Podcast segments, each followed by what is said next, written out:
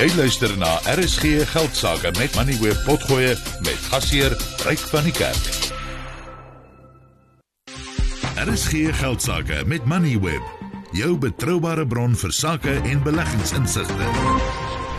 Die Franse betaaltelevisiegroep Canal Plus het verlede week 'n nie bindende aanbod van R105 per aandeel vir MultiChoice gemaak en dit het uh, meegebring dat die aandeleprys lekker tot net onder R95 opgeskiet het. Dit was op 'n stadium bykans 30% hoër. Maar MultiChoice het vanoggend gesê sy direksie het die aanbod van die hand gewys. Die direksie sê dit het 'n onafhanklike waardasie laat doen en dat die waardasie baie hoër is as die R105 wat uh, Canal Plus aanbied. Nou ongelukkig het uh, die direksie nie die bedrag bekend gemaak waarop hulle die maatskappy waardeer nie.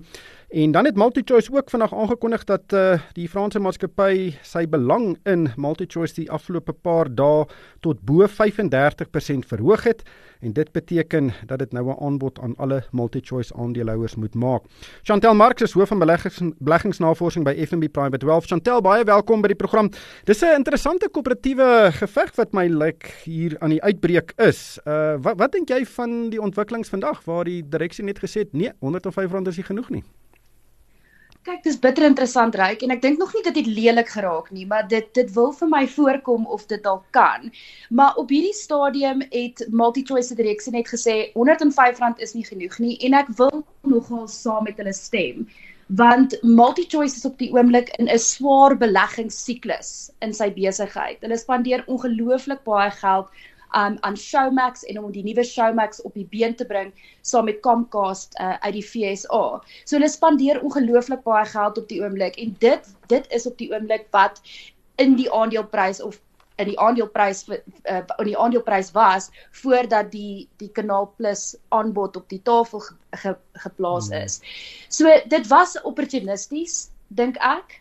Ehm um, maar dit gaan 'n paar jaar vat vir MultiChoice om daai geld terug te maak en weer so baie kontant te genereer en weer 'n dividend te begin betaal. So ehm um, ek dink aandeelhouers weet nie eintlik wat om te doen van hier af nie. Wel, julle is jy's hoof van beleggingsnavorsing by ehm um, FNB Private Wealth. Wat is jou waardasie van MultiChoice? Ek seker julle het al seker die hele naweek lank somme gemaak. Ja, so ek weet ons ons waardasie van van MultiChoice is so tussen 115 en 130 rand per aandeel. Dit hang af ehm um, na watter spesifieke ehm um, model mens noodwendig kyk. So ons dink dat 105 rand is 'n bietjie te min. Ehm um, ek dink ook wat MultiChoice se direksie genoem het in die aankondiging vanoggend wat nogals waar was, is as hulle saam met Kanaal Plus ehm uh, saamsmelt, gaan daar sinergie wees wat mens moet in ag neem as mense aanbod maak vir vir die vir die multi-choice aandeelhouers en hulle het glad nie aan dit gedink nie. So ek dink as mens dit as mens die kombinasie bymekaar sit, ehm um, dan dink ek is dit nog meer werd as dit. Die hmm. probleem is net omdat hulle in die swaar beleggingssiklus is, kan dit 'n rukkie vat vir die vir die prys om natuurlik te beweeg na daai langtermyn regverdige waarde toe. Nou kyk, die aandeleprys was in Maart verlede jaar R155. Uh dit het geval al die pad na R62 toe en dit was in November verlede jaar. Toe die aanbod nou gekom en nou het hy weer opgespring na net so oor die R90, maar soos jy sê, as jy die die die, die aandeel is dalk heelwat meer werd, uh, maar dit kan 'n rukkie vat om weer uit te kom, maar maar hoe gebeur dit dat jy 'n uh, Franse maatskappy het wat aandele koop in MultiChoice. Uh, hulle doen dit nou al vir omtrent vir meer as 'n jaar. Hulle het 'n wesenlike belang. Daar moet mos onderhandelinge plaasvind. Uh daar moet mos gepraat word oor toekomstige transaksies of moontlike transaksies. En dan lees of sien MultiChoice basies in die media wat die aanbod is. Dit is 'n openbare proses wat ehm um, Kanaal Plus nou volg. Uh dit is nie dis mos nie die manier om mense doen nie.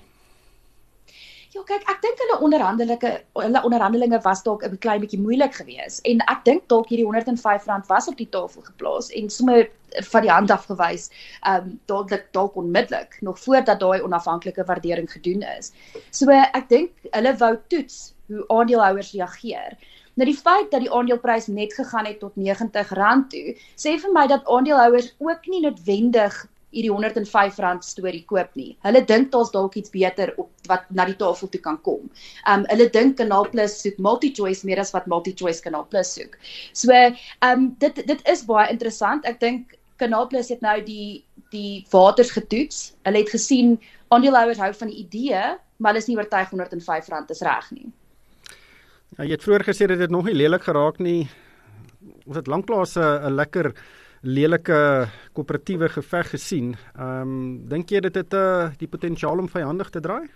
Veral in die konteks veral in die konteks dat uh, Kanaal Plo nou sy belang tot oor 35% verhoog het en nou 'n aanbod moet maak aan minderheidsaandeelhouers.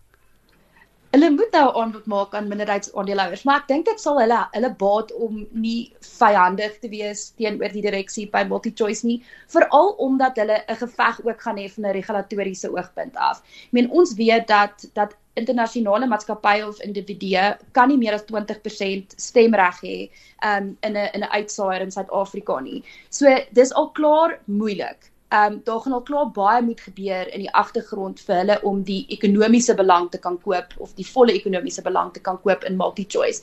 Ek vermoed hulle het al so 'n bietjie die water daar ook getoets en dit is hoekom hulle oorspronklik gesê het hulle dink daaraan om die gekombineerde entiteit op die JSE te lys ek dink nie dis in hulle belang om om vyande te maak by MultiChoice nie, maar snaakse goed het al gebeur en partykeer lyk like hierdie ehm um, korporatiewe stories in Suid-Afrika meer so sepies as soos ernstige besigheid. Ja. Chantel, dankie vir jou tyd. Dit was Chantel Marx, sy's van FNB Private Wealth. Theo, wat maak jy van die storie?